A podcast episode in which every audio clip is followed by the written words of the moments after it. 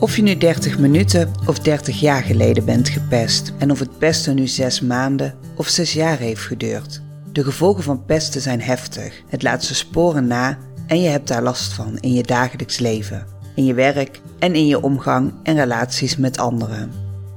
Dit is de podcast Krachtiger naar pesten, waarin je inzichten, tips en de verhalen van mij en anderen hoort, zodat jij je minder eenzaam voelt en die je helpen krachtiger te zijn na pesten. Ik ben Wendy Rijnmakers, vroeger gepest. En ik wil eraan bijdragen dat iedereen die gepest wordt of gepest is, gaat inzien hoe mooi zij zijn en dat zij weer in zichzelf gaan geloven. Hallo allemaal, welkom bij weer een nieuwe aflevering van de podcast Krachtiger naar Pesten. In deze aflevering neem ik jullie mee in veiligheid en gericht zijn op anderen. Dat zijn gevolgen die mensen die gepest zijn in veel gevallen ervaren. Gevolgen waar ik ook vaak over spreek of schrijf. En ik vind het belangrijke gevolgen om bij stil te staan. Vooral ook omdat deze gevolgen veel invloed kunnen hebben op je dagelijks leven. En bij mij was dat in ieder geval wel het geval. Laten we beginnen met veiligheid. Want wat is veiligheid eigenlijk? Ik vind dat Nederlanders over het algemeen een erg risicomijdend volk is. Als je kijkt naar wat we kunnen verzekeren, maar ook wat we moeten verzekeren. Uit onderzoek van het RIVM blijkt ook dat veiligheid een belangrijk thema is in onze samenleving. De samenleving verwacht ook dat de overheid bijdraagt aan een veilige leefomgeving en haar beschermt tegen de risico's van grootschalige en mogelijk maatschappijontwrichtende incidenten of rampen. We hebben camera's die gelinkt kunnen worden aan onze telefoon, alarmsystemen, extra veilig gesloten en zoals al gezegd heel veel verschillende soorten verzekeringen om ons veilig te voelen. Als ik praat over de gevolgen van pesten, benoem ik ook vaak veiligheid. En ik kan me voorstellen dat veel mensen die ook fysiek gepest zijn, daardoor onveiligheid hebben ervaren. En dat noem ik lichamelijke onveiligheid. Maar daarnaast is er ook psychologische onveiligheid. En waar ik dus eigenlijk heel veel over spreek in mijn podcast of waar ik over schrijf, als ik het heb over veiligheid, gaat het over psychologische onveiligheid. Lichamelijke veiligheid en psychologische veiligheid zijn twee verschillende aspecten die betrekking hebben op verschillende gebieden van een menselijk welzijn. Dus bij lichamelijke veiligheid heeft het te maken met fysieke gezondheid en het welzijn van een persoon. En dus ook over maatregelen en voorzorgsmaatregelen. Die worden genomen om ervoor te zorgen dat mensen beschermd zijn tegen fysieke schade, letsel of gevaar. En bij psychologische veiligheid dat richt zich eigenlijk meer op het emotionele welzijn en de geestelijke gezondheid van individuen. Dus dat heeft te maken met het creëren van een omgeving waarin mensen zich veilig voelen om zichzelf te zijn, hun ideeën te uiten en om risico's te nemen zonder angst voor negatieve gevolgen. Enkele kenmerken van psychologische veiligheid zijn bijvoorbeeld een cultuur van respect en open communicatie, het aanmoedigen van het delen van ideeën en meningen, zelfs als die afwijken van de rest, het vermijden van negatieve repercussies bij het maken van fouten en het nemen van weloverwogen risico's en ondersteuning bieden bij stress, emotionele belasting en mentale gezondheidsproblemen. Nou, in het kort komt het dus op neer dat lichamelijke veiligheid gericht is op het voorkomen van fysieke schade, terwijl psychologische veiligheid gericht is op het bevorderen van een omgeving waarin mensen zich emotioneel veilig voelen en vrij zijn om zichzelf uit te drukken. Als je gepest wordt, is er geen cultuur van respect en open communicatie. Jouw ideeën, mening worden niet aangemoedigd. En wanneer je fout maakt, word je erom uitgelachen. Dus er is geen ondersteuning bij stress of emotionele belasting. Wanneer een pester merkt dat jij geraakt wordt door het pesten, is dat vaak juist voor om door te gaan. Nou, ik heb de vraag hoe psychologische onveiligheid en pesten met elkaar verbonden zijn ook is in Google geraadpleegd. En daaruit komt eigenlijk het volgende. Pest en psychologische veiligheid zijn nauw met elkaar verbonden, maar verschillen in de aard van hun impact en de manier waarop ze worden ervaren. Pesten is namelijk het herhaaldelijk ongewenst gedrag dat gericht is op het kwetsen, vernederen of macht uitoefenen over een ander. En psychologische onveiligheid verwijst naar een bredere context waarin individuen zich niet veilig voelen om zichzelf te zijn, hun ideeën te uiten of risico's te nemen zonder angst voor negatieve gevolgen. En dat kan komen door verschillende factoren, waaronder ook een gebrek aan ondersteuning of respectloos gedrag. Dus ook door pesten. Dus pesten kan eigenlijk als een extreme vorm van psychologische onveiligheid worden beschouwd, waarbij de negatieve interacties systematisch en herhaaldelijk plaatsvinden. Terwijl psychologische onveiligheid een bredere term is die ook een minder ernstige vorm van negatief gedrag omvat. Maar Psychologische onveiligheid kan dus zeker wel door pesten komen. Ik merkte het zelf heel erg als gevolg van het pesten, de constante onveiligheid die ik voelde. En die onveiligheid was niet lichamelijk, maar dus psychologisch. En vooral ook op het sociale stuk, dus de angst om afgewezen te worden, niet goed genoeg te zijn, weer opnieuw gepest te worden, of te worden uitgelachen, niet leuk gevonden te worden. Die angsten die maakten alles wat ik deed en zei leidend. Dus ik was altijd alert. Als ik een avondje op stap was of weg was met vriendinnen en de controle over mijn woorden, gedrag en handelen ook maar een heel klein beetje losliet, evalueerde ik de volgende dag met mezelf wat er allemaal goed ging. Maar mijn focus lag vooral op wat er fout ging, wat ik fout deed in mijn ogen. En het is regelmatig voorgekomen dat ik daarna appjes stuurde om mijn excuses aan te bieden, zonder dat er eigenlijk echt iets gebeurd was gevoelens uiten is iets wat ik heel lastig vond. Want toen ik gepest werd en ik liet zien dat het mij raakte, was dat eigenlijk dus voer om door te gaan. Dus hoe moeilijk is het dan om op volwassen leeftijd ineens je kwetsbare kant te laten zien? Dus het waren bij mij vaak extreme uitersten. Of ik deed alsof het me helemaal niet raakte, of ik moest eigenlijk buitenproportioneel huilen om een bepaalde situatie. Situatie waarvan ik achteraf dacht, ho, hè, moest ik daar nou zo heftig op reageren?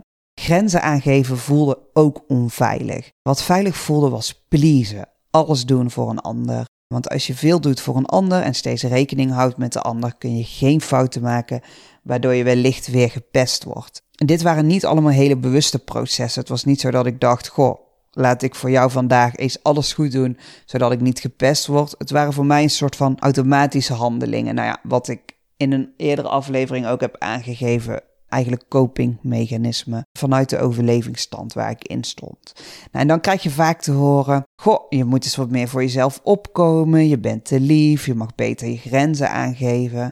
Maar ja, als je gepest bent, is grenzen aangeven dus ook super lastig. Want tijdens het pesten wordt er namelijk dagelijks over je grenzen gegaan. En de pester of pesters zien echt wel dat ze over je grenzen heen gaan, aan het gaan zijn. En toch gaan ze door. Dus wat betekent jouw grens dan eigenlijk voor een ander? Dus is het op dat moment veiliger om zo min mogelijk van jezelf te laten zien dan om je emoties te tonen en daarbij ook nog eens voor jezelf op te komen? Nou, om grenzen aan te kunnen geven, zal je ze moeten voelen. En hoe leer je om je grenzen te voelen? Dat is dus om wat meer gericht te zijn op jezelf. Om bezig te zijn met wat je lichamelijk voelt wanneer bepaalde dingen gebeuren of gezegd worden. Maar dat gevoel heb je tijdens het pesten juist zoveel mogelijk uitgezet. Je hebt geleerd dat het beter is dat het er niet of nauwelijks is. En je bent erg gericht op anderen. Je bent altijd bewust of onbewust bezig het juiste te doen, zodat anderen zich niet tegen je keren. En dan moet je ineens nee gaan zeggen tegen iets. Nou, dat is echt super lastig. En ik geloof dat hiervan, van deze processen die ik net omschreef, heel veel processen onbewust zijn. Maar wel processen die je waarschijnlijk als je gepest bent of zelfs nog gepest wordt, herkent. Het zijn ook processen die moeilijk te doorbreken zijn, want ze zorgen voor een bepaalde veiligheid. Ja, wat ik eigenlijk meer nu schijnveiligheid noem. Want het gevoel van veiligheid is gewoon in jouzelf niet aanwezig. Het vertrouwen dat je goed genoeg bent zoals je bent, dat ben je door het pesten verloren. Dus denk je dat deze patronen jou veilig houden en ben je dat ook gaan geloven? En dat is heel erg eng om los te laten. Nou, daarom noem ik deze aflevering ook veiligheid en gericht zijn op de ander, omdat we onszelf hebben laten geloven dat we sociaal en emotioneel veilig zijn wanneer we focus op de ander hebben. En zo vergeten we onszelf steeds meer. En wat ik al zei, die patronen zijn ontzettend lastig te doorbreken. Ik was mezelf daar al jaren van bewust. Ik wist dat ik beter mijn grenzen mocht aangeven. Ik wist dat ik veel aan het pleasen was. En ik was me heel erg bewust van mijn slechte zelfbeeld. En ik heb hier op veel verschillende manieren hulp voor gezocht. Maar steeds leek het even te helpen en kwamen de patronen toch weer terug. Ze waren echt heel hardnekkig. Ik heb het zelf heel erg nodig gehad om te gaan erkennen en herkennen dat deze patronen door het beste zijn ontstaan. En om in te zien dat dit bepaalde overlevingsstrategieën en copingmechanismes waren die steeds maar weer terugkwamen. Omdat ik doordat ik gepest werd toen ik opgroeide, nooit mezelf echt goed heb kunnen ontwikkelen. Dus de basis in mijn persoonlijkheid heb ik nooit gelegd zoals een ander kind dat waarschijnlijk wel doet. En dat komt omdat elke dag onveilig was voor mij.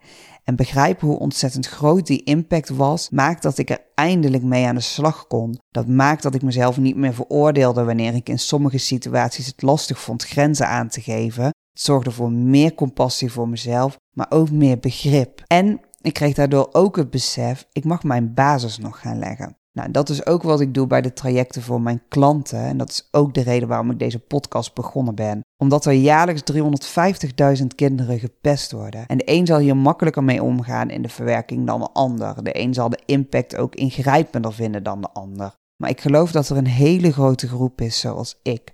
Een grote groep die niet hebben geleerd dat zij zichzelf mogen zijn. Dat zij uniek mogen zijn. Dat ze mogen opvallen en dat dit veilig kan zijn. Een grote groep die ziet dat zij steeds in dezelfde valkuilen stappen.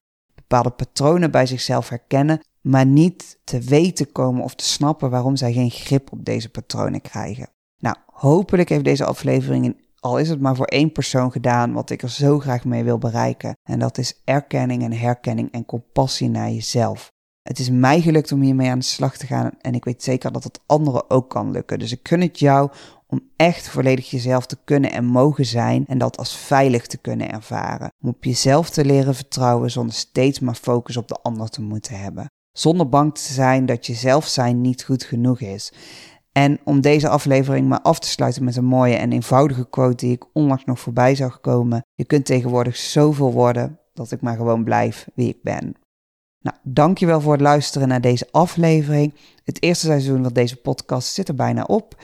Er gaan nog een paar afleveringen komen. In de volgende aflevering sta ik met jullie stil bij leraren en ouders en wat zouden zij kunnen doen wanneer zij zien dat een kind gepest wordt of het moeilijk heeft in de klas of wanneer je eigen kind tegen je zegt hey, ik word gepest.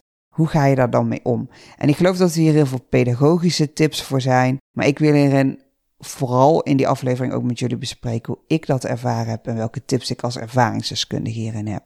Dus tot volgende keer weer. Ik hoop dat deze aflevering jou verder helpt. Dat het je meer inzicht geeft in wat je pestverleden met je doet en hoe je daar zelf iets mee kan. Ben je er klaar voor om de volgende stap te zetten?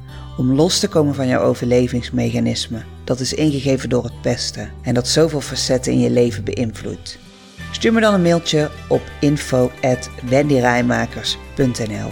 Wil je liever eerst wat meer lezen over wat je kan bereiken en over mij? Dat kan op www.wendyrijmakers.nl. Dankjewel voor het luisteren en tot de volgende keer. En vergeet niet, ook jij mag er zijn. Jouw aanwezigheid maakt de wereld een stuk mooier.